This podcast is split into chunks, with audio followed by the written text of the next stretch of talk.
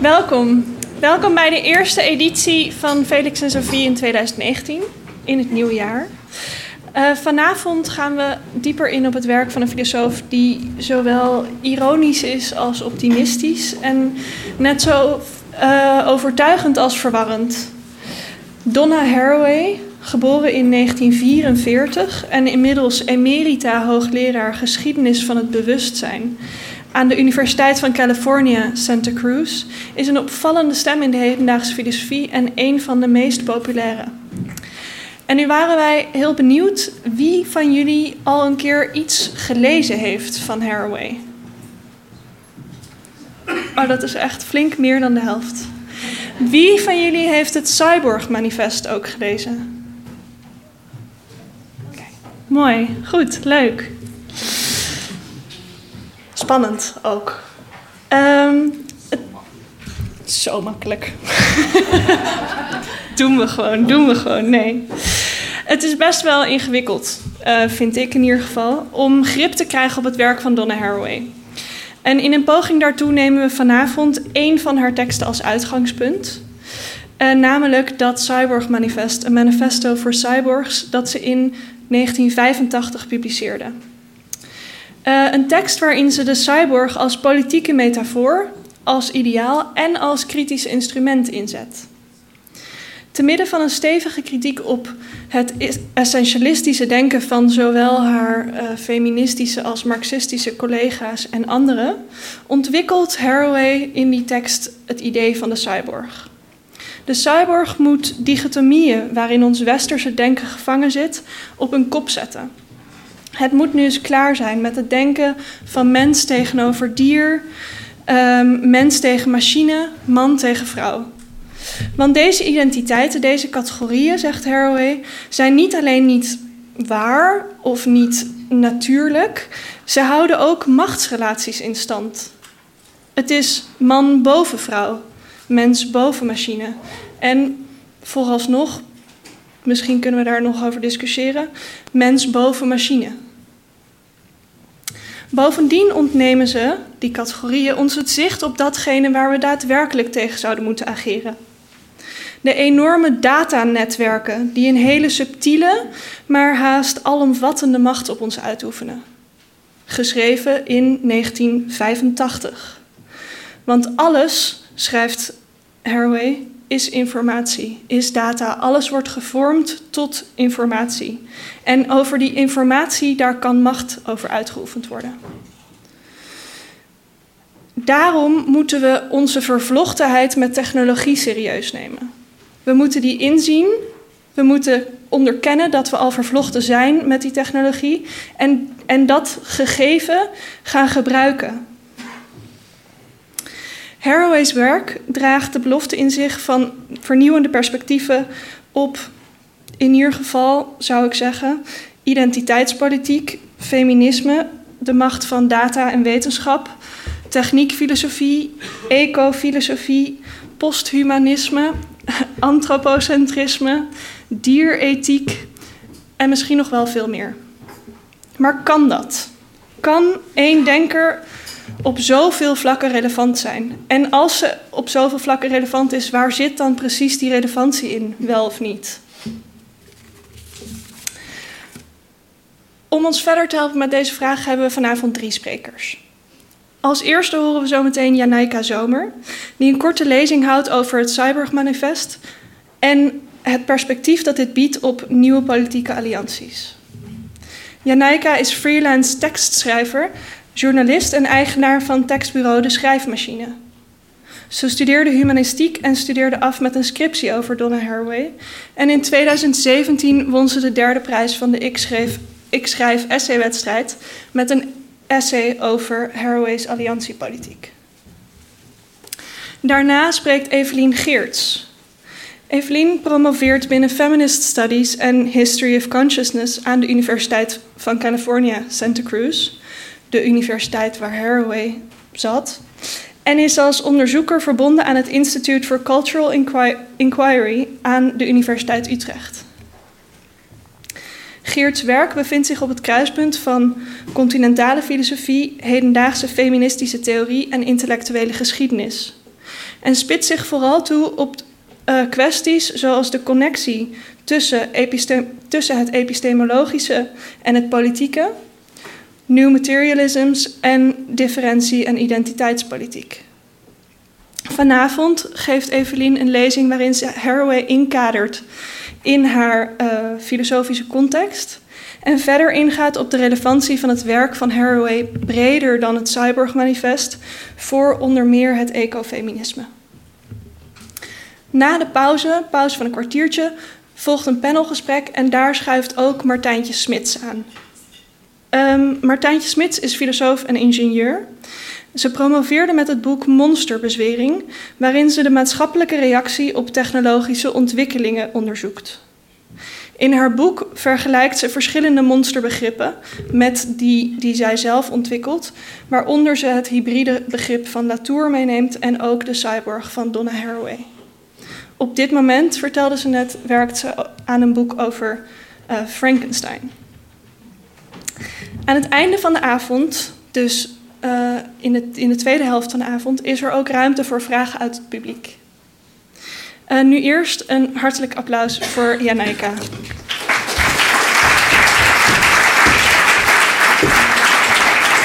Dankjewel. Jullie zijn met zoveel. ik uh, wil allereerst even Felix en Sophie bedanken dat jullie me hebben uitgenodigd om vanavond uh, te spreken. Ik vind het altijd heel leuk om over Haraway te praten. Um, zij is zelf een enorm begenadigde spreker. Ik weet niet of er mensen zijn die haar wel eens hebben horen spreken of hè, bij een lezing zijn geweest. Um, die vrouw die zet je op aan en dan gaat ze en dan kan ze twee uur uit haar hoofd vertellen met grapjes en dingen erbij. Het is ontzettend leuk om naar te luisteren. Um, ik heb een papiertje nodig. Dat is dan uh, tegenovergestelde. Maar um, ik hoop jullie een beetje uh, kennis te laten maken met Haraway, voor wie dat daar nog helemaal niet bekend in is. En anders uh, om even op te frissen voordat Evelien straks verder gaat vertellen. Um, wat ik heel zelf, mijn persoonlijke liefde voor Haraway zit eigenlijk in haar ironie. Ik zei net al dat ze altijd heel, uh, uh, het is heel bij de hand, het is heel grappig. En uh, zij gebruikt ironie als een politieke strategie. ze mag graag morrelen aan hoe het hoort in de wetenschap. En dat doet ze met enorm veel plezier, maar daardoor kunnen ook nieuwe inzichten ontstaan. En dat vind ik heel mooi aan de manier waarop zij werkt.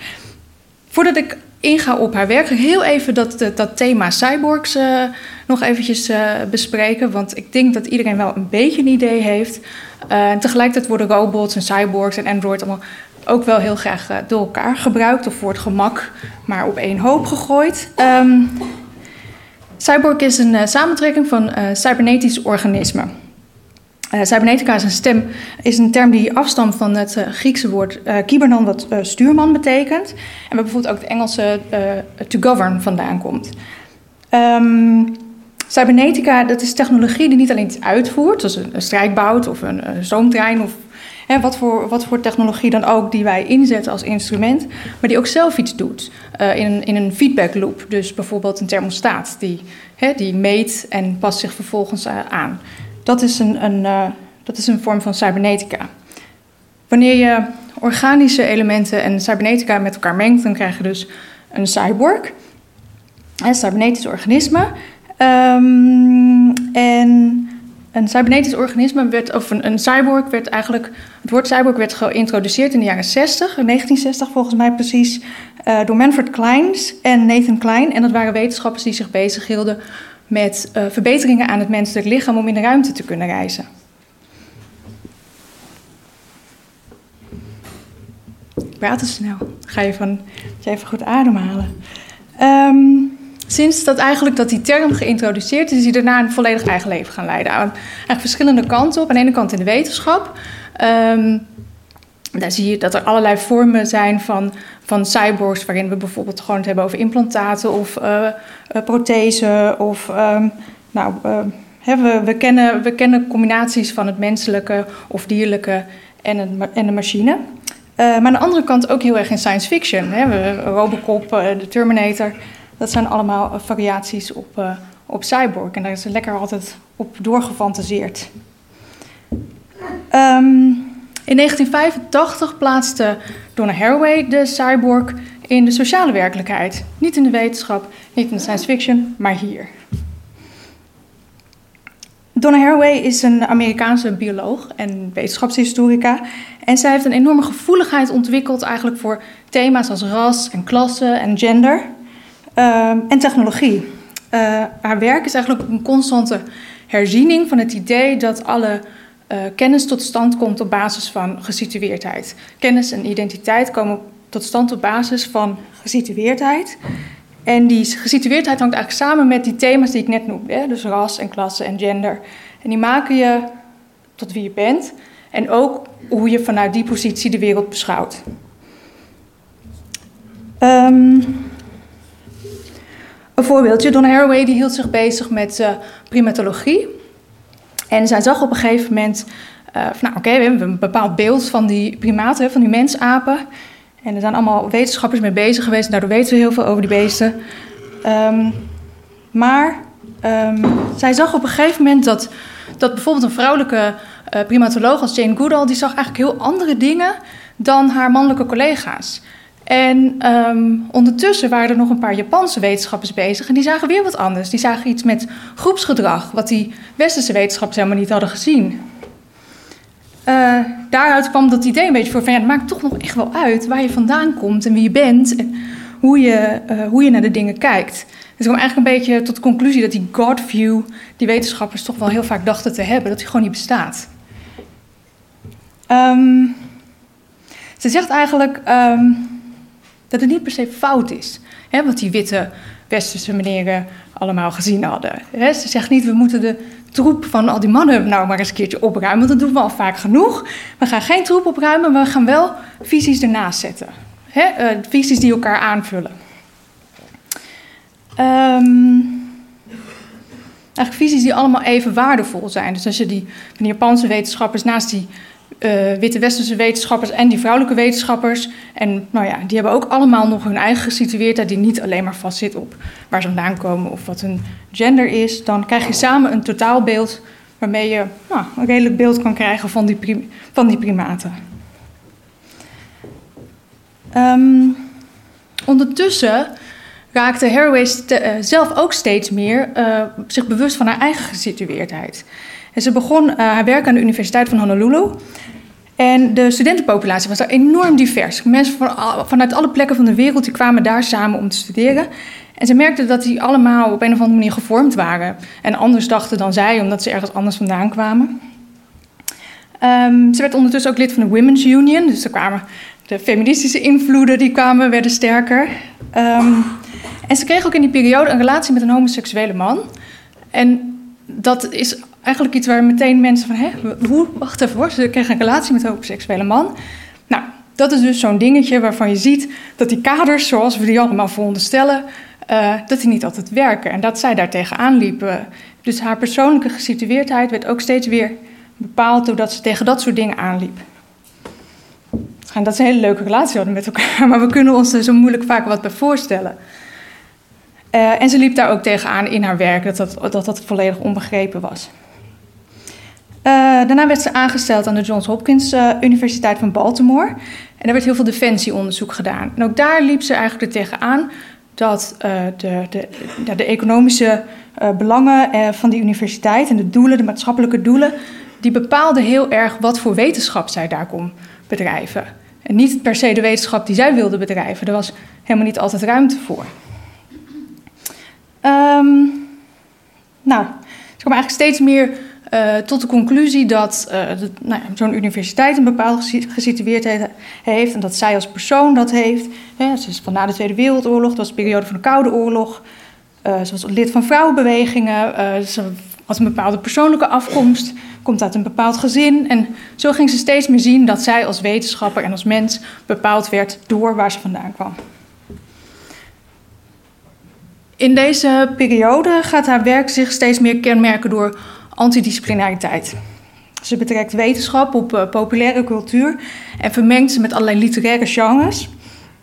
En daarmee wil ze eigenlijk wel, wel beschreven afbakeningen in de, in de wetenschappen en de, uh, uh, de, de disciplines ontwrichten. Hè. Ze is dogma's aan het vervuilen en, en, en, en, daarmee eigenlijk tot nieuwe inzichten aan het komen. Ze, ze houdt ervan om die dingen door elkaar te gooien en daardoor iets nieuws te gaan zien. Iets wat nog niet eerder was gezien.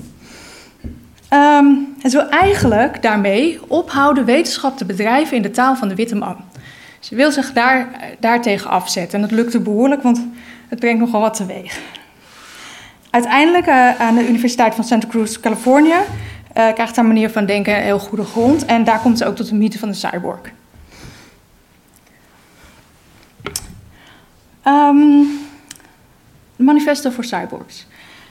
Verscheen uh, voor het eerst in de Socialist Review in 1985. Het tijdschrift had opgeroepen artikelen aan te leveren uh, over het socialistisch feminisme in de context van, van de vroege Reagan-periode en de linkspolitiek die zich op dat moment aan het, aan het terugtrekken was.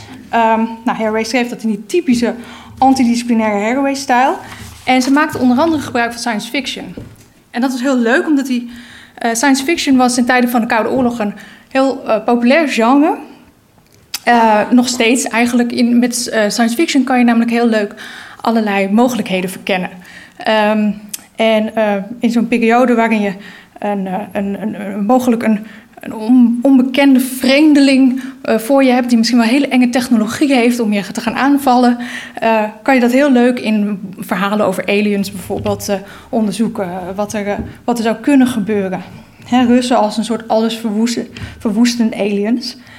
En ook in feministische kringen was science fiction heel populair, omdat je daarmee ook um, een soort feministische utopieën kan, kan verkennen. Hè? Een, uh, een wereld waarin vrouwen en mannen veel gelijker aan elkaar zijn door middel van technologie. Of misschien wel beter nog, mannen volledig overbodig maken. Omdat je baby's in het laboratorium kan maken. En dan ben je van het hele ge gezeur af. Weet je, dat zie, zag je heel veel gebe gebeuren in, in feministische science fiction.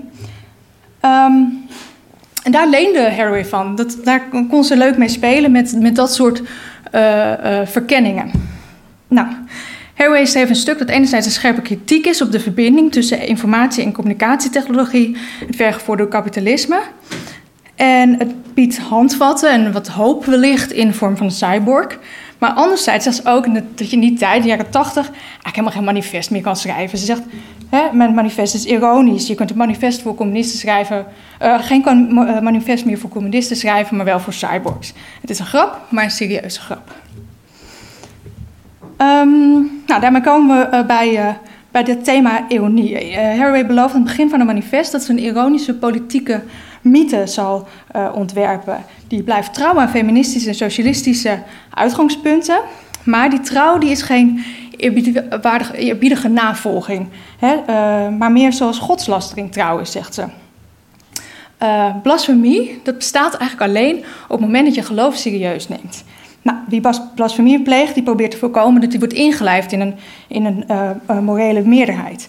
En als je socialistisch feminisme ziet als een, als een vorm van een wereldse religie, uh, dan is dat waar zij zich uh, tegen afzet, waarvan ze zich los probeert te maken.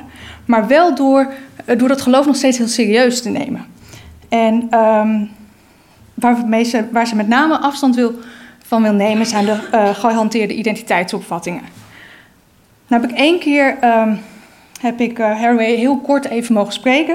Het was altijd heel grappig, want ik was heel blij met dat thema blasfemie. Ik ben afgestudeerd als uh, humanisticus en ik had, was zes jaar grootgebracht in een soort humanistisch gedachtegoed. En uiteindelijk zat dat niet lekker. En toen heb ik die blasfemie ingezet om een vrij kritische scriptie te schrijven. En dat was heel leuk om te kunnen doen. En daar heb ik haar voor bedankt. I thank you for giving me blasphemy. En toen zei ze, that's okay honey, I got it from the Catholic Church. dat vond ik een heel, heel bij de hand antwoord weer van haar. Um, maar goed, we gaan terug naar die identiteitsopvattingen, die dus uh, in al die wereldse religies uh, uh, gehanteerd blijven. En zij zet tegenover die identiteiten zet ze de cyborg. En cyborg is een metafoor die allerlei gevoelens van ongemak teweeg brengt. Het is een, iets met, iets met vlees, hè, iets met lichaam en metaal en, en, met technologie. En het is niet puur. Het is iets wat. Ehm, uh, het is geen natuurlijke identiteit. Het, is allemaal een beetje, beetje rommelig en aan elkaar geplakt. En uh, het staat heel erg tegenover zo'n natuurlijke identiteit als bijvoorbeeld vrouw. Hè, dat is, daar, daar hebben we allerlei natuurlijke ideeën bij. Um, Het ongemak van de identiteit van die cyborg is onderdeel van haar ironische strategie. Hij uh, maakt dat mensen even struikelen en even haperen in haar tekst. En denken. En daardoor ga je er beter over nadenken. Uh, ze roept de feministen ook op om die ironie vaker te gebruiken, omdat boosheid aan kracht heeft ingeboet. Um, Haraway introduceert de cyborg als een mythisch wezen, zoals de Minotaurus en de Pegasus en de Centaur. Dit soort figuren ondermijnt het idee van een pure identiteit, van een uh, pure menselijkheid. Een half mens, half paard wordt een monster genoemd, omdat het de grenzen vervaagt tussen mens en dier. Nou is uh, Haraway vrij gek op grensgangers. Ze is altijd bezig geweest met figuren die zich een beetje op, op een grensgebied bevinden van wat wij kennen als dichotomie. Dus bijvoorbeeld uh, primaten zitten op dat mens-dier uh, vlak. Een cyborg zit op de technologie-mens vlak. Maar bijvoorbeeld later is ze ook bezig geweest met companion species, met huisdieren, die ook een soort van ergens tussenin zitten. En dat werkt voor haar. Zij kan daarmee hele leuke dingen onderzoeken. Um, cyborgs zijn monsters. Ze zijn voortgekomen uit een onwettige liefde. In uh, dit soort mythologische voorstellingen ligt de angst verborgen voor de vervuiling van de mens. Die ook nu nog blijkt als je bijvoorbeeld ook hebt over xenotransplantatie bijvoorbeeld of plastische chirurgie. Dan, uh, zelfs als je niet uh, religieus opgevoed bent met een idee van een, van een oervrouw of een Eva of wat dan ook, dan worden we toch een beetje griezelig daarvan wanneer we technologie in mensen gaan stoppen of wanneer we iets dierlijks in een mens gaan stoppen. Um, het idee dat er zoiets is als een natuurlijk kenmerk dat een mens essentieel tot mens maakt, zit eigenlijk vrij diep. En dat merk je zodra je er iets aan toe gaat voegen, technologie of iets dierlijks bijvoorbeeld. En Haraway verzet zich tegen dit soort organische standpunten. Want als je bepaalt wat de mens tot essentieel mens maakt, bepaal je ook meteen wat dan niet menselijk, wat het andere is. En kijkend naar wetenschap en bijvoorbeeld de humanistische mens, dan is dat mensbeeld tot stand gekomen op basis van een westerse witte mannelijke visie. En dat is ten eerste beperkt en ten tweede heeft dat een normatieve werking. Cyborgs ondermijnen als mythologische figuur de puurheid van de mens. Het zijn bastaards van mens en technologie en ze krijgen hun betekenis in het patriarchaal kapitalisme. Ze zijn niet geboren, ze hebben geen natuurlijke oorsprong en er is niks wat ze essentieel maakt tot wat ze zijn. Daarmee hebben we een metafoor. Um, Haraway leent die cyborg van science fiction en ze kent hem natuurlijk uit de wetenschap. Um, maar het onderscheid tussen die twee werelden en die van onze sociale werkelijkheid noemt ze een illusie. We zijn zelf cyborgs, wij allemaal, wij zijn cyborgs. Wetenschappelijk, politiek en persoonlijk zijn we vergroeid geraakt met technologie. Nu even terug, hè? jij zei het ook al, Sofie, het was 1985. De wereld zag helemaal nog niet zo uit als nu. En toch vervoelde zij, dit is gaande, dit is bezig. Die technologie die, die wordt deel van ons en uh, uh, vergroeit met ons. En um, uh, er, was er, waren nog geen sociale media of algoritmes die bepalen welk nieuws jij bijvoorbeeld als eerste op je scherm krijgt. Maar toch uh, zag zij hoe dat net zich om ons heen begon te vormen. Um, zij zag ook heel goed dat het niet alleen maar een instrument is, maar dat het echt op ons inwerkt. Dat wij veranderen, dat onze identiteit verandert doordat die technologie onderdeel van ons aan het worden is. Um, de wereld waarin we leven noemt ze dan ook naar een chip een geïntegreerd circuit. Een geïntegreerd circuit van, uh, van wetenschap, politiek en technologie. En waarin eigenlijk alles van, aan de nullen, van de 0 en 1 aan elkaar hangt. Die constatering is niet technofiel. Dat is wel vaak ook gezegd. Zij, uh, dat zij een soort technofiele blik heeft op de, op de huidige wereld. Um, dat eigenlijk ja, dat is niet waar. Ze doet meer een observatie. Hè? Ze zegt: dit is wat er is. Um, we kijken daarnaar en uh, uh, de situatie legt ze eigenlijk gewoon uit zoals die is. En dan vervolgens kijkt ze: oké, kan je er dan ook wat mee? Want het is niet heel erg hoopvol, maar er, binnen dat geïntegreerde circuit hebben we nog wel wat mogelijkheden vervat in de cyborg. Um, wat er bijvoorbeeld, hè, waar, waar, waar bijvoorbeeld een negatieve connotatie hiervan is, is dat dat geïntegreerde circuit bijvoorbeeld een machtsweb is. Uh, er is een groot onderscheid bijvoorbeeld tussen mensen die toegang hebben tot technologie en mensen die dat helemaal niet hebben. Of bijvoorbeeld als je werkzaam bent in technologie, een, economie die van technologie afhankelijk is, dan zit er nog een heel groot verschil in. Alsof je of je op een hoofdkantoor van Mac werkt, of bijvoorbeeld in een derde wereldland in een fabriek kleine dingetjes in elkaar zit te zetten. En dat zijn dan ook nog eens keer vaak vrouwen tegenover nou ja, witte meneren in een groot gebouw die de dienst uitmaken. Um, het is niet volledig negatief, hè. zoals gezegd. Hierin kan haar blasfemie juist ontstaan. Uh, eentje waarin tot nieuwe, frisse politieke initiatieven komt. Uh, ze constateert namelijk dat feminisme en marxisme steeds dezelfde essentialistische identiteitsopvatting hebben gehanteerd als de systemen waar ze zich tegen afzetten. de feministen hebben het begrip vrouw overgenomen als een natuurlijk onschuldig iets. Iets wat gewoon zo is. Wat tegen een andere categorie, natuurlijke onschuldige categorie, categorie man staat. Um, dan geldt het ook voor andere dichotomieën, zoals mens-dier, uh, wit-zwart, hetero-homo, natuur-cultuur. Um, ze maken een onderscheid waarin de ene norm uh, het andere uitsluit of onderdrukt. Um, nou, binnen feminisme werd vrij snel duidelijk dat het begrip als vrouw al wat problematisch is. Hè? Dat zwarte, bevrouw, zwarte vrouwen bijvoorbeeld een andere strijd te voeren hadden dan witte vrouwen. Um, en Haraway zegt dan ook: er is niks vrouwelijks dat alle vrouwen bindt. Um, in een tijd waarin de vergroeiing met technologie duidelijk maakt dat natuurlijke identiteit, identiteit helemaal niet houdbaar zijn, kan er ruimte ontstaan voor die gebroken identiteit, die cyborg-identiteit. Een identiteit die is opgebouwd, uh, zoals Haraway zelf ook steeds meer voelde, in haar eigen identiteit, uit deeltjes ras, klas, gender, familiegeschiedenis, opvoeding, en die tot stand komt binnen dat geïntegreerde circuit van technologie, politiek en wetenschap. Um, wanneer we het geïntegreerde circuit zien als een samenspel van codes, hè, ze blijft graag in de technologische metaforen, uh, uh, van maatschappelijke codes die ons vertellen hoe de wereld in elkaar zit, dan moeten we, want wij, wij zijn allemaal cyborgs, hebben de verantwoordelijkheid eigenlijk om die codes te herschrijven wanneer dat nodig is. Uh, ze roept bijvoorbeeld op om nieuwe, nog niet vertelde verhalen te schrijven. En uh, verhalen eigenlijk die de grote verhalen hè, van de grote wetenschappen en religies en uh, stromingen, dat die ondermijnd worden door allemaal kleine verschillende verhalen.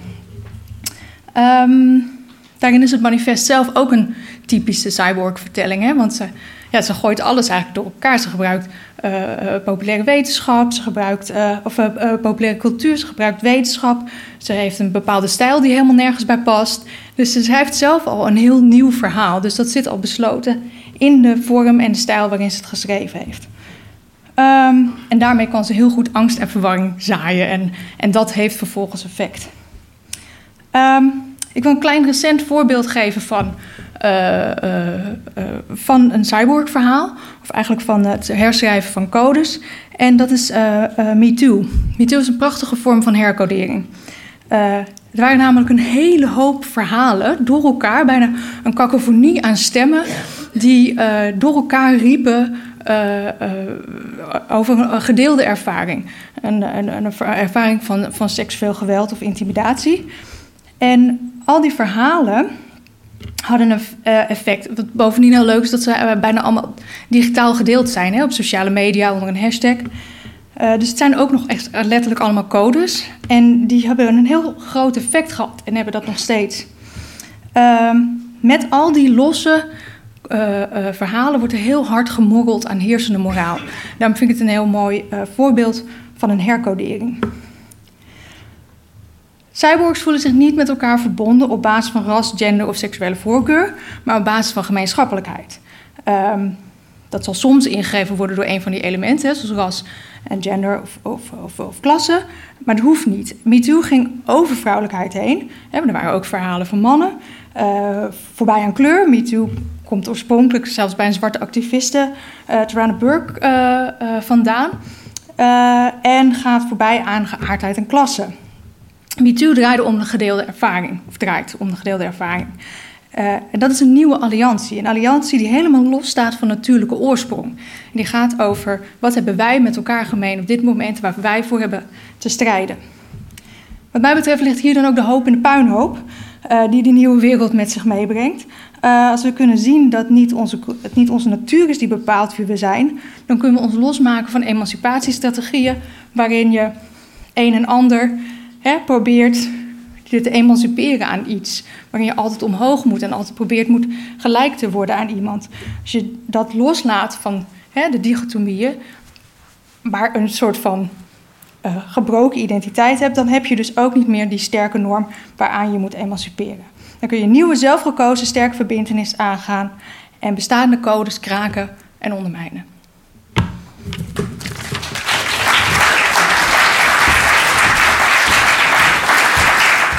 Oké, ehm, ben ik duidelijk genoeg?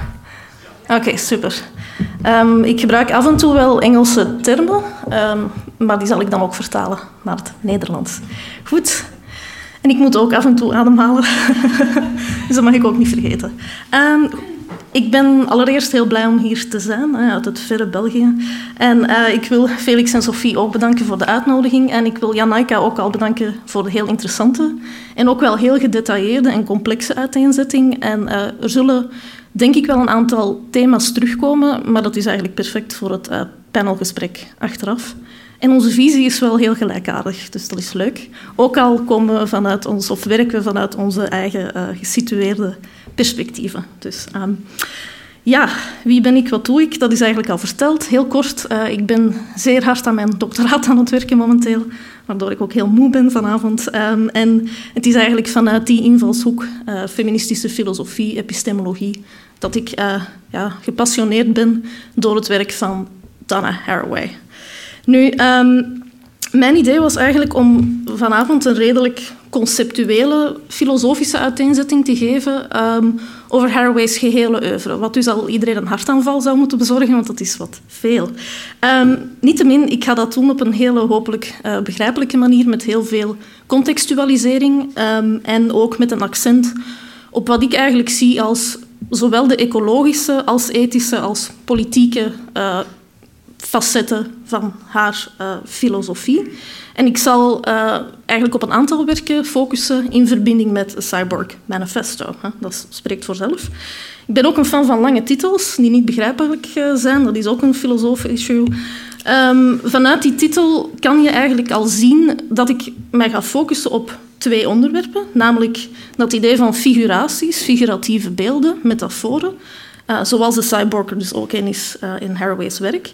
En haar notie van um, en eigenlijk kritisch denken versus technoscience of technowetenschap. Een idee dat in ja, eigenlijk al haar werken um, centraal staat. En dat alles in combinatie met Staying with the Trouble, wat ook meteen de titel is van een werk van haar uit 2016. Een werk dat ik kan aanraden en waarin Haraway, net zoals die andere, misschien wel iets meer bekende feministische filosoof Judith Butler, um, inzet op troublemaking. Uh, in het Vlaams, Vlaams zou dat koeieneren zijn. Ik, ik, vind nu even geen vertaling in het Nederlands, maar um, um, troubleren ga ik gebruiken. Dus inzetten op het analyseren van de huidige werkelijkheid in al aspecten van crisis, om vervolgens ja, daar niet bij te blijven, niet bij die kritiek te blijven, maar ook iets affirmatiefs uh, ermee te doen. En concreet vanuit die kritiek van het hier en nu iets nieuws op te bouwen, iets positiefs. Um, wat altijd heel leuk is om te horen als feministe. Um, of zoals Haraway het veel beter dan um, zelf zegt in Staying with the Trouble, en ik quote daar even in vertaling, um, zij probeert eigenlijk steeds om een krachtig antwoord te ontwikkelen op betreurenswaardige gebeurtenissen en terug rustige plekken herop te bouwen. Uh, wat ik eigenlijk een heel mooi citaat vond. Dus uh, had er ook al naar verwezen, er zit een heel sterk visionair utopisch um, aspect aan haar werk. Um, en daar ga ik het de hele tijd eigenlijk over hebben. Veel technologie.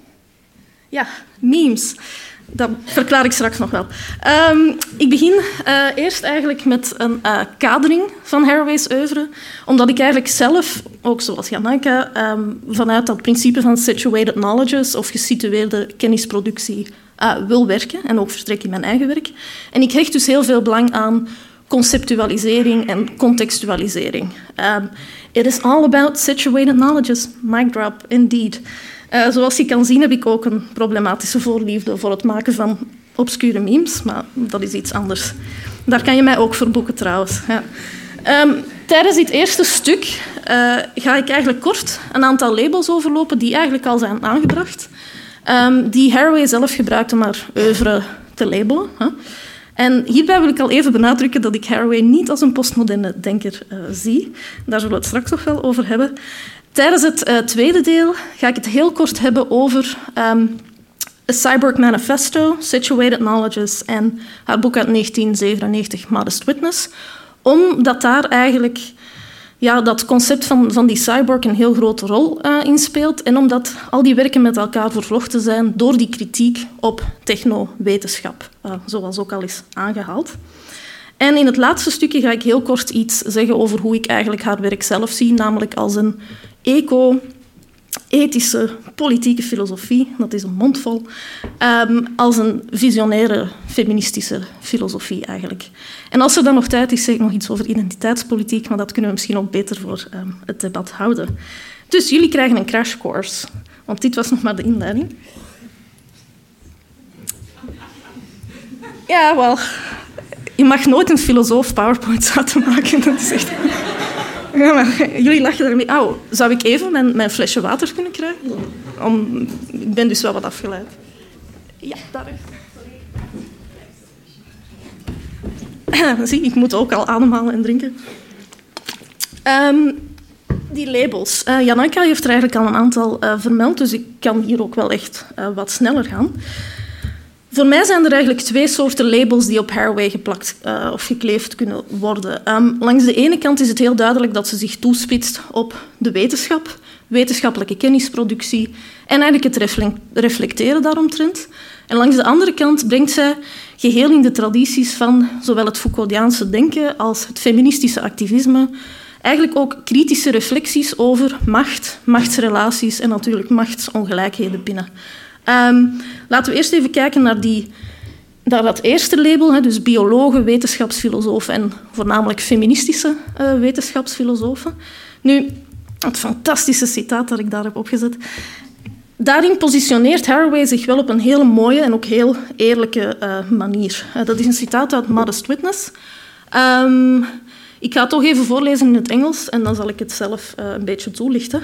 Dus ik neem jullie mee op een reis doorheen het uh, moeilijke werk. Um, so, shaped as an insider and an outsider to the hegemonic powers and discourses of my European and Northern American legacies, I remember that anti Semitic and misogyny intensified in the Renaissance and scientific revolution of early modern Europe. That racism, and colonialism flourished in the traveling habits of the cosmopolitan Enlightenment, and that the intensified misery of billions of men and women seems organically rooted in the freedoms of transnational capitalism and techno science. Over.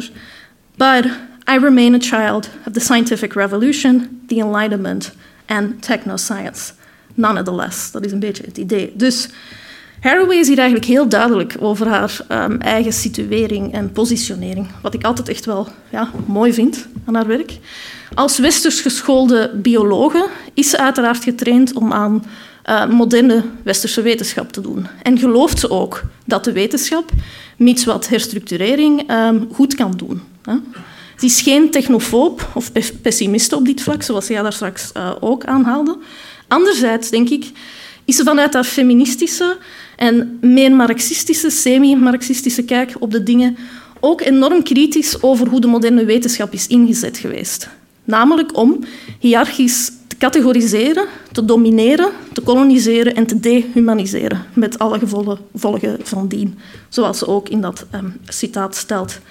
Dus haar positie is net zo complex, omdat ze ook een hele ja, ambiguë, dubbelzinnige positie um, inneemt. Um, over wat onze technowetenschappelijke uh, realiteit eigenlijk betreft.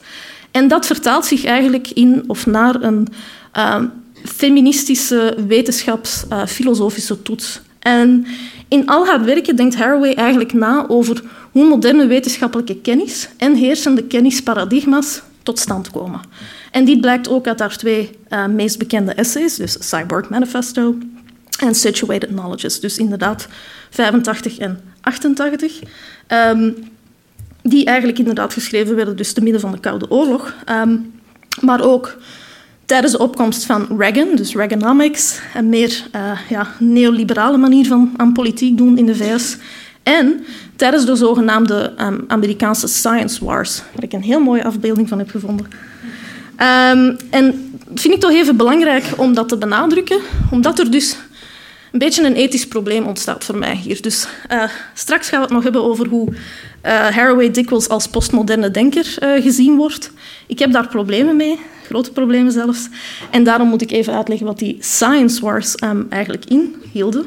Dus um, dit gevecht of deze strijd vond plaats ja, eind jaren 80, begin jaren 90 in de VS. En ging eigenlijk over de interpretatie van de werkelijkheid. Want filosofen zijn daarmee bezig. Um, aan de ene kant had je eigenlijk de meer wetenschappelijke realisten.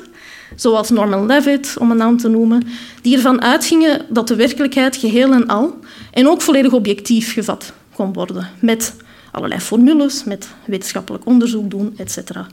Natuurlijk had je dan ook de heel, zoals steeds typisch vervelende kritische filosofen, die eigenlijk onder andere dat idee van objectieve representatie um, en kennisproductie in twijfel begonnen te trekken. Misschien is de wereld wel niet zo positivistisch te vatten en te representeren, maar spelen machtsrelaties en um, politieke invloeden bijvoorbeeld ook wel een rol binnen de wetenschap? Toch wel een interessante vraag. Nu, voor mij dan toch. Uh, het is deze veronderstelling die eerst eigenlijk centraal is gezet door uh, poststructuralist Michel Foucault, uh, waar ik nog op terugkom, die eigenlijk een nieuwe impuls gaf aan de wetenschapsfilosofie van die periode. ja, en ik ben een filosofie-nerd, ik heb mij al geoud, maar denk bijvoorbeeld, voor degenen die daarin geïnteresseerd zijn, aan het boek van Shapen en Schaffer, Leviathan and the Air Pump, ook geschreven in 1985, waarin eigenlijk op kritische wijze gekeken wordt naar de ontwikkeling van de moderne wetenschap en de kennisparadigma's van Boyle en Hobbes um, in het bijzonder. De crux van dit boek is eigenlijk dat um, het wetenschappelijke en het politieke blijkbaar nooit helemaal losgekoppeld kunnen worden van, elkaar. Aangezien, volgens de auteurs van dit boek, de politieke invloed van Boyle binnen de Royal Society, toen in uh, Engeland, veel groter was dan die van Hobbes, waardoor zijn uiteindelijke foute theorie, over de vacuümpomp het haalde. Wat toch wel interessant is. Um, en het is dit werk en eigenlijk ook dit kritische gedachtegoed waar Haraway zelf verder op voortbouwt, um, met dan nog een ja, grotere focus op machtsrelaties en, zoals Janaika eigenlijk ook zei, intersecties tussen um, identiteitscategorieën. Ja, die onze wetenschappelijke praxis dan ook beïnvloeden, want dat is het idee. Goed, even denken, even ademhalen. Um, daarnaast, en dit vind ik heel, heel, heel, heel belangrijk om toch altijd uh, te benadrukken, uh, vooral omdat ik zelf binnen uh, de epistemologie werk, is dat Haraway ook altijd de vraag heeft gesteld naar qui bono, dus over wiens belangen de wetenschap, of voor wiens belangen de wetenschap tot nu toe gediend heeft. En als je de vorige lange quote van Modest Witness terug bekijkt, dan is het al wel duidelijk dat de wetenschap vaak is ingezet ter onderdrukking van alreeds gemarginaliseerde subjecten en voor het behouden van de status quo. En hier komt dat visionaire aspect van Haraway zeer duidelijk terug uh, naar boven. Nog memes. Dit kritische aspect, dit visionaire aspect, um, die heb ik niet zelf gemaakt trouwens, zal maar even zeggen, uh, brengt ons meteen eigenlijk bij dat label van feministische poststructuralistische denker. Geen postmodernist. Naar mijn mening kan Haraway qua filosofie nog het best gezien worden als een poststructuralist, omdat ze voortbouwt op het oeuvre van Foucault en ook op het oeuvre van de feminist standpoint theorists van de jaren tachtig, uh, waar we het eventueel straks nog wel kunnen over hebben. Ik focus vooral op Foucault. Um, maar zal wel duidelijk zijn voor de kenners. Uh, dus voor Haraway beïnvloeden het politieke en de kennisproductie elkaar. Wat eigenlijk een idee is dat voorkomt uh, vanuit Foucault's notie van le savoir-pouvoir of de verstrengeling van macht en kennis. En van het politieke en het epistemologische. Nu, het produceren van wetenschappelijke kennis, categorieën, labels, noem maar op, um, is nooit dus een neutrale, onpartijdige en onschuldige aangelegenheid voor Foucault en ook niet voor Haraway. De wetenschap staat niet buiten de maatschappij. En kennisproductie is nooit echt volledig objectief en onschuldig. Wat niet betekent dat ze daardoor dan een, relativist is of zo. Laat me dat even verder uitleggen. Macht en machtsinvloeden spelen altijd een rol. binnen de wetenschap. Um, wat niet betekent dat de realiteit van de werkelijkheid dan plotseling gaat afgewezen worden ten voordele van een zeer radicaal sociaal-constructivistische opvatting of een relativistische opvatting. Nee, Haraway heeft nog altijd een figuratieve feministische filosofie. En het woord feminisme zegt het al zelf. Er worden waarden naar voren gebracht. Dat is iets helemaal anders dan relativisme. Ja? Um, een aantal waarden, waar we het straks zeker nog over kunnen hebben, die focussen op gesitueerdheid. En, en de politics of location is er één van. Uh, ook het feit dat we allemaal eigenlijk verantwoordelijkheid moeten of zouden moeten opnemen voor de kennisclaims die we maken. Donald Trump, not happening. Dus ze is echt anti-relativistisch georiënteerd. Zeer belangrijk. Daarnaast, en dit is altijd leuk, um, voor mij toch, ligt Haraway's denken helemaal in de lijn van die andere feministische poststructuralisten uh, en nu ook nieuw-materialistische denker, namelijk Rosie Braidotti. Um, ook zij volgt Foucault's denken en heel dat idee van macht en kennis en werkt dit verder uit en stelt eigenlijk dat filosofie zelf een soort van machtsdiscours is. Um, dat is belangrijk om even te kaderen, omdat Haraway daar zelf um, op voortwerkt. Heel kort, even in het Engels. Dus Braidotti zegt in een artikel van 1993: uh, Philosophy is for me intrinsically connected to domination, power, and violence. I see philosophy as requiring mechanisms of exclusion and domination as part of its standard practices. Philosophy is a hegemonic discipline whose historical task has been to legislate among possible forms of knowledge, codifying certain modes of thinking that then become legitimated as scientifically acceptable.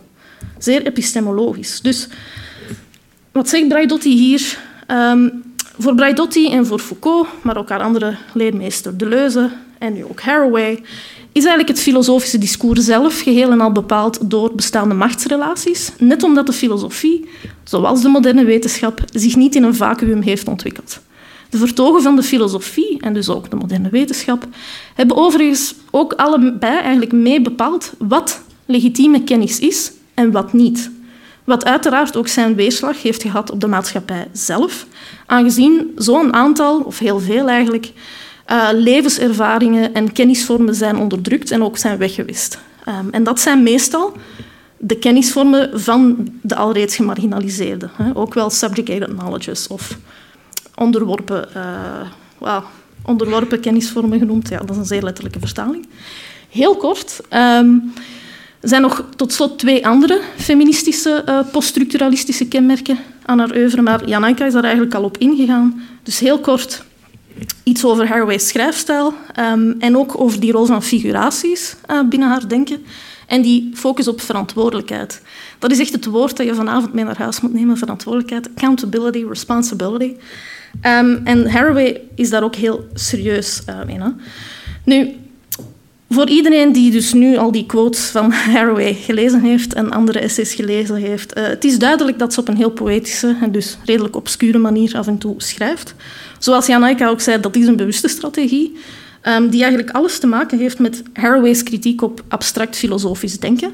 Wat ook wel wat ironisch is ergens, maar goed. Um, en ze schrijft eigenlijk een beetje in navolging van écriture féminine, uh, denkers, schrijvers zoals Irigaray, Sissou, uh, op een hele belichaamde wijze. Uh, en daarmee probeert ze eigenlijk die strakke logica, die transcendente logica van de filosofie, ook wel het fallogocentrisme genoemd af en toe. Daar heb ik ook heel veel memes over, maar die ga ik niet tonen. Misschien later op de avond.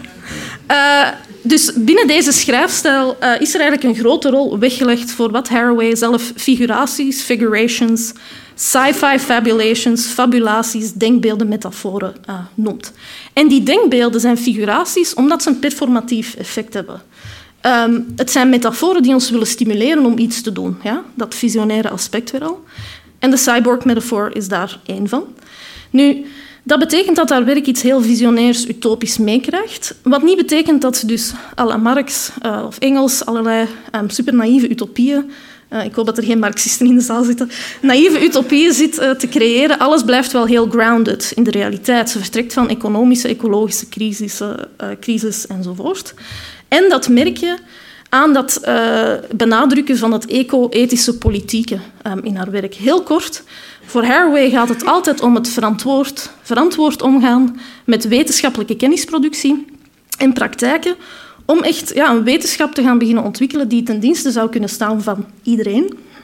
En die niet langer ten dienste zou staan van, je hebt het daar straks ook al gezegd, van het um, extractiegebaseerd kapitalisme, van het militaire apparaat, van um, globale neoliberale logica enzovoort. Dus allemaal topics die ze in een Cyborg uh, Manifesto ook aankaart. Nu, dat ga ik jullie allemaal vertellen in het tweede deel. Um, dat is toch al een kleinere quote. Um, Onthoud van, van die contextualisering, want ik weet dat het heel veel informatie is, niettemin uh, vind ik het toch altijd wel belangrijk om dat te doen. Onthoud van die contextualisering vooral dat je echt Haraway niet zomaar het label postmodernist mag geven. Um, dat ze, we gaan daar echt nog wel over debatteren, dat voel ik al. Dat ze heel erg beïnvloed is door het poststructuralisme en uh, de moderne wetenschap. Dat daar iets ambigu aan de hand is. En dat ze steeds in haar eigen werk eigenlijk een gesitueerde, eco-ethisch-politieke positie tracht in te nemen. En echt wel iets aan de wereld van vandaag de dag wil veranderen. Uh, wat toch wel leuk is. Goed. Of belangrijk. Ik wil eigenlijk die drie werken um, even samennemen, omdat ik eigenlijk vind dat je um, Cyborg Manifesto niet um, als een individueel traktaat eigenlijk kan lezen. die hele context daarachter en die vervlocht, de, hoe zeg je dat, de vervlechting met die twee andere werken is superbelangrijk. Even denken hoe, dat ik, dat, het beste doe. Uh, eigenlijk heeft het weer met die leidraad van uh, technoscience of technowetenschap te maken. Um, en met het spelen van figuraties. Dus ik begin even eerst met die figuraties terug.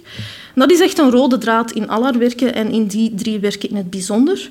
Ze is inderdaad heel erg beïnvloed door science fiction auteurs en probeert door bepaalde beelden op te roepen ons denken over de werkelijkheid te wijzigen. Um, een proces dat zij in Situated Knowledges eigenlijk heel netjes epistemologische elektroshocktherapie noemt. En dat is het ook wel. Ik zou zeggen een LSD-trip, dat, dat, dat kan ook. Um, dus in deze drie werken, Cyborg Manifesto, Situated Knowledges en Modest Witness, komen al die verschillende figuraties, denkbeelden naar voren waar ze mee speelt, die eigenlijk al een andere werkelijkheid zouden moeten oproepen um, in onze gedachten. Heel kort, um, over de cyborg uh, gaan we het de hele tijd hebben. Dus een ander voorbeeld, de Coyote Trickster bijvoorbeeld, um, die centraal staat in Situated Knowledges. Dat is een, een beeldmetafoor die zij ontleent uit uh, meer ja, Native American traditions. En die moet eigenlijk staan voor ja, een meer gesitueerde, meer relationele epistemologie of kenleer vol verrassingen. Die zou kunnen ontstaan als we nu eindelijk de natuur eens als een subject en niet als een object, een te overheersen object, uh, zouden zien. Dat is een voorbeeldje. Uncle Mouse en Female Man zijn er uh, nog twee andere. Dat zijn eigenlijk figuraties die centraal staan in Modest Witness. Um, en hier komen we op dat hybride element eigenlijk alweer terug, waar Janaika het er straks ook over had. Deze metaforen zijn hybride, bizarre figuren eigenlijk, misschien wel ja, monsterachtige figuren, die het hele concept van dus die essentialistische, enkelvoudige identiteit uh, gaan uitdagen en ondermijnen. De ene is een vrouwelijke kloon en de andere een genetisch gemodifieerde en gepatenteerde, gepatenteerde ja, labmuis Um, en ze zijn eigenlijk allebei voor Haraway hybride cyborgs. Hybride cyborgs die uh, voortkomen uit de technowetenschappelijke vooruitgang en eigenlijk allerlei dualisme uitdagen. Zoals ook al gezegd, dus tussen mens en dier, mens en machine, natuur, cultuur en man en vrouw.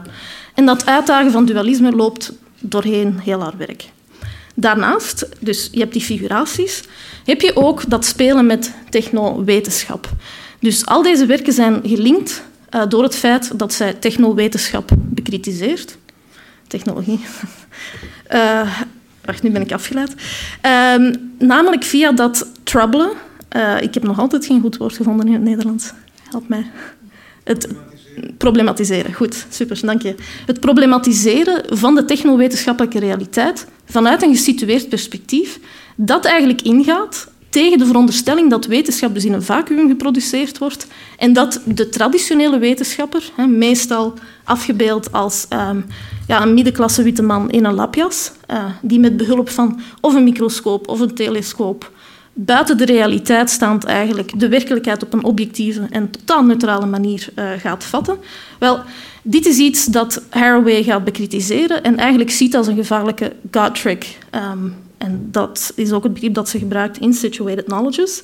Er is geen één alles overkoepelend perspectief, geen alles overkoepelend goddelijk perspectief. Er zijn eigenlijk voor haar enkel belichaamde subjecten, um, wiens lichamen en identiteitscategorieën en levenservaringen echt wel een rol spelen bij het produceren van kennis. Dus weer die macht- en uh, kennisrelatie. Waardoor, en dat heeft Janaika ook al gezegd, er in plaats van één globaliserend, totaliserend perspectief op de realiteit, wat eigenlijk een illusie is, want ook die persoon heeft een lichaam en een paar ogen, waardoor er verschillende perspectieven eigenlijk zijn volgens Haraway. Perspectieven die telkens op een paar ogen kunnen teruggebracht worden. En dit is ook een leidraad binnen het Cyborg Manifesto, de idee dat we aan een andere, meer gesitueerde manier van wetenschap um, kunnen doen.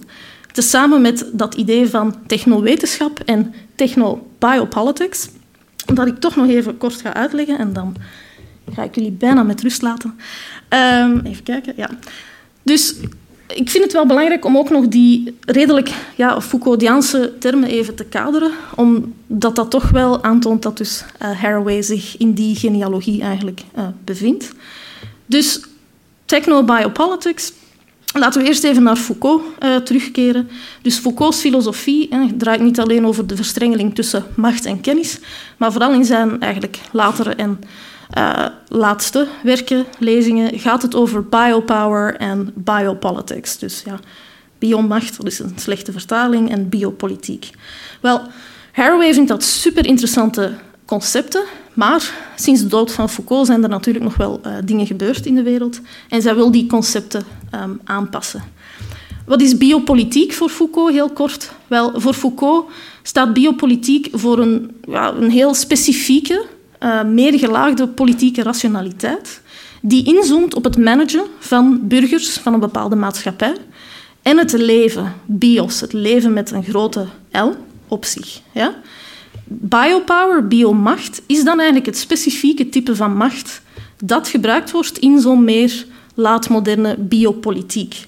Dat is een macht die ondersteund wordt door allerlei specifieke technologieën, zowel statistiek en data management, ik draag een Fitbit. Even nadenken wat met al die data, gebeurt. Uh, ik kom daar straks nog wel even op terug. Um, statistiek en data management, om, om misschien toch al een voorbeeld te geven, denk aan uh, Foucault, die het op een bepaald moment heeft over Frans nationalisme en hoe eigenlijk uh, het Franse leger via ja, een aantal medische ontwikkelingen gezond gehouden moest worden. Dat is eigenlijk een voorbeeld van hoe een biopolitiek regime um, zijn bevolking gaat. Uh, hoe zeg je dat? Het woord. Mm, managen, dank u. Perfect. Nu, wat doet Haraway met deze noties? Heel kort. Zij gaat die verder uitwerken. Dat is typisch een filosofisch ingrepen, plakken alle woorden achter elkaar tot een techno-biopolitiek en techno-biomacht. Zo, techno-biopolitics en techno-biopower. Waarom? Om aan te geven dat onze realiteit door allerlei hoogtechnologische revoluties sinds Foucault enorm veranderd is. Ja, life, het leven op zich, het biologische aspect daaraan, die biologische materie, die wordt op zich inderdaad gemanaged. Maar in techno-biopolitiek gaat het nog meer dan ooit eigenlijk om de connecties tussen mens, machine en het digitale. En om hoe eigenlijk het neoliberale kapitalisme het wetenschappelijk eigenlijk gaat instrumentaliseren, gaat gebruiken om alle levende mensen, mensen en levende wezens, die allemaal brokjes live zijn, um, tot commodificaties te maken, dus tot verkoopbare en te gebruiken en op, op te gebruiken dingen maakt. Dat is toch wel heel zwaar. En dat is eigenlijk ook de crux van Haraway's kritisch nadenken over uh, technowetenschap. Ja, er is uiteraard vooruitgang. Uh, we kunnen ook helemaal niet meer terug. Dit is de realiteit. Er is vooruitgang die ons ten goede komt. Tegelijkertijd zitten er heel wat donkere kantjes aan die ja, verstrengeling tussen het kapitalisme en uh, technowetenschap. Kantjes die kunnen leiden tot verregaande exploitatie en vernietiging. Dit klinkt heel domdenkerig, maar goed. Heel kort nog iets over Cyborg Manifesto zelf en dan stop ik.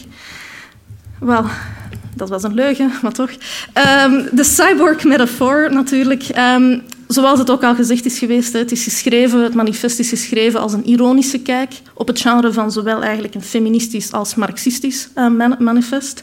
Um, Haraway is erg kritisch voor het utopische, nogmaals. Blijft liever met haar twee voeten op moeder aarde, maar tracht toch ook weer iets visionairs uh, te bereiken. Namelijk via die specifieke figuratie van de cyborg. Um, ik ga dit nog even kaderen, omdat ik dat toch wel een belangrijk citaat vind, dat eigenlijk alles zegt. Dus um, het ook gewoon voorlezen. Komt uit de Cyborg Manifesto. Zij zegt daar... By the late 20th century, our time, a mythic time, we are all chimeras, theorized and fabricated hybrids of machine and organism, in short, cyborgs. The cyborg is our ontology, it gives us our politics. The cyborg is a condensed image of both imagination and material reality the two joint centers structuring any possibility of historical transformation. Wel, laten we dat in een meer menselijke taal even omzetten. Met dit citaat claimt ze eigenlijk een aantal dingen. Om te beginnen zijn alle subjecten volgens haar nu in deze technowetenschappelijke realiteit cyborgs. Dus die versmelting van het cybernetische en or cybernetic en organisme, wat die versmelting tussen natuur en cultuur aanduidt. De cyborg staat hier eigenlijk als figuratief denkbeeld voor twee dingen. Namelijk um, hoe we in die technobiopolitiek constant te maken krijgen met het blurren van die distincties tussen natuur en cultuur en object-subject. En dan die drie uh, dualismen die ze zelf aankaart. Uh, mens-machine, mens-dier en het fysisch-non-fysische. En daarnaast staat de cyborg ook voor oproep tot politieke actie. Dat is dat visionaire aspect. Um, Haraway wil namelijk dat we meer gaan nadenken over technobiopolitiek. En zij willen meer gesitueerde relationele politiek waarin het leven, met hoofdletter uh, L, op zich niet gecapitaliseerd wordt en tot product gemaakt wordt. Want dat is wat er aan het gebeuren is. De cyborg als material reality um, is voorts ook de cyborg die mede is ontwikkeld door het militaire industriële apparaat, zoals ze dat zegt, dat gelinkt is aan dat ja, onderdrukkende techno-biopolitieke regime. Heel simpel, wel, het is nooit simpel. Uh, denk aan uh, lichamen van mensen die ADHD hebben en die helemaal eigenlijk um, gemedicaliseerd zijn door uh, relatine. En dus eigenlijk afhankelijk worden van die relatine om toch maar zo productief mogelijk te kunnen zijn binnen de maatschappij. Een ander voorbeeld is die typische um, uh, oorlogsinstrumenten die er gebruikt worden, zoals, uh, wat zijn dat van die dingen? Van die, ik vergeet de woorden in het Nederlands. Like vision, night vision. Dus uh, bijvoorbeeld allerlei trucjes waarmee soldaten toch maar ook s'nachts zouden kunnen gaan vechten. Of allerlei stimulerende middelen. Dus die medicalisering van lichamen bijvoorbeeld is zo'n aspect um, dat uh, met het technobiopolitieke te maken heeft. En ook zo'n Fitbit, uh, die ik nu zelf om heb en die om het uur eigenlijk schokjes geeft, is ook zo een voorbeeld van die verstrengeling. Tot slot um, is de cyborg als imagination als een creature of fiction. Dus ook die cyborg van Haraway die al die dualisme wil gaan uitdagen. Dus er zit weer, zoals steeds, een dubbel aspect aan um, dat idee. Goed, ik ga hier afronden uh, wat het theoretische kader en aspect uh, betreft. Ik ga het niet hebben over die essentialistische identiteit en woman, omdat ik denk dat we daar straks tijdens het panel nog gaan op terugkomen. En ook omdat ik, zoals steeds, te weinig tijd heb. Dus laat mij um, afsluiten. De relevantie en actualiteit van het werk van Donna Haraway vandaag. Um, is altijd zo moeilijk, hè, want dat is zo'n nutsdenken. En ik verbind eigenlijk ja, nutsdenken niet graag aan filosofie, maar dat is een ander thema. Uh, maar het mag duidelijk zijn dat Haraway inderdaad in enorm veel disciplines thuis is, zoals daar straks ook al werd uh, aangehaald. En ook eigenlijk heel wat invloed heeft gehad op bepaalde stromingen. Niet zozeer de filosofie, wat ook altijd wel heel typisch is, maar goed. Um, ze heeft dus het veld van feminist science studies en wetenschapsfilosofie in de VS echt wel een stimulans gegeven door verder voor te bouwen op Foucault's denken over biopolitics en feminist standpoint theory, waarin vooral kritiek op objectiviteit zijn gegeven. Daar kan ik straks nog wel verder op doorgaan. Ehm, daarnaast heeft ze ook heel veel zogenaamde posthumane, posthuman uh, denkers beïnvloed. Net omdat ze heel duidelijk die grenzen tussen mens en dier en mens en machine heeft willen opentrekken. En dus inderdaad het antropocentrisme, maar ook eigenlijk het humanistische exceptionalisme bekritiseert. Of de arrogante veronderstelling dat um, eigenlijk alleen het menselijke subject meetelt hè, in de wereld. Zij willen meer relationeel denken, waarin niet natuur versus cultuur en dier versus mens centraal staan, maar wel nature, cultures en companion species. Alle wezens op deze planeet zijn eigenlijk door hun materialiteit, dus door hun lichaam en mortaliteit, met elkaar uh, verbonden. En, en dit is iets waar ik zelf veel mee bezig ben, um, is dat ze eigenlijk ook het nu heel populaire veld van niet-materialistisch denken heeft beïnvloed. Dat is een teken, waarin een uh, gesitueerd belichaamd subject centraal staat en alle dualismen um, die Haraway ook aankaart uh, bekritiseerd worden. En waarin ook gesteld wordt dat eigenlijk alle materie agency heeft. Ik ga het daarbij laten. Dus het mag duidelijk zijn, um, Haraway heeft ons hoofdpijn. nee, maar op een goede manier. Het mag duidelijk zijn dat Donna Haraway echt al wel heel wat waardevol uh, werk heeft geproduceerd. Um, werk dat volgens mij dus gelezen kan worden als een figuratieve filosofie. Net omdat ze met allerlei metaforen en creatieve denkbeelden aan de slag gaat om maatschappelijke transformaties uit te denken. Um, en dat is het interessante. En dat is ook de reden waarom het voor mij een eco-ethische politieke filosofie is. Bij Haraway mogen en kunnen ecologische, ethische en politieke kwesties nooit los van elkaar gedacht worden. Net omdat kwesties zoals welke subjecten meer betekenis toegeschreven worden in onze maatschappij, uiteraard ook ethische en politieke issues zijn. Denk terug aan Onco Mouse heel kort. Deze labmuis wordt eigenlijk dagdagelijks door ons gemarteld tot een, een weg te gooien object, tot een killable object gemaakt. En te voordelen voor ons eigenlijk, voor kankeronderzoek en andere onderzoeken. En dus er wordt eigenlijk een stukje natuur opgeofferd voor een ander uh, stukje natuur. Um, dit heeft ethisch-politieke consequenties omdat diezelfde categoriserende logica die daar eigenlijk achter zit en alle technieken van eigenlijk killable maken, um, wel, die logica en die praktijken kunnen gebruikt worden en worden ook gebruikt hè, om andere dan weer tot killable objects te maken. Dus dit toont wederom aan dat Haraway geen relativist is, maar echt wel een ethische visie op de werkelijkheid uh, wil voordragen. Um, dus Haraway inspireert ons dus om te denken met de ander in al zijn facetten. Het milieu, de dieren, de tot ander gemaakte subjecten. En roept met haar figuraties op tot een ander denken. En meer kritisch, maar ook affirmatief en positief denken. En dan eindig ik eigenlijk met uh, de manier waarop ik begonnen ben. Uh, we kunnen Haraway's denken nog het beste als volgt samenvatten. Brace yourselves, critical vision is coming. Oké, okay. dank je.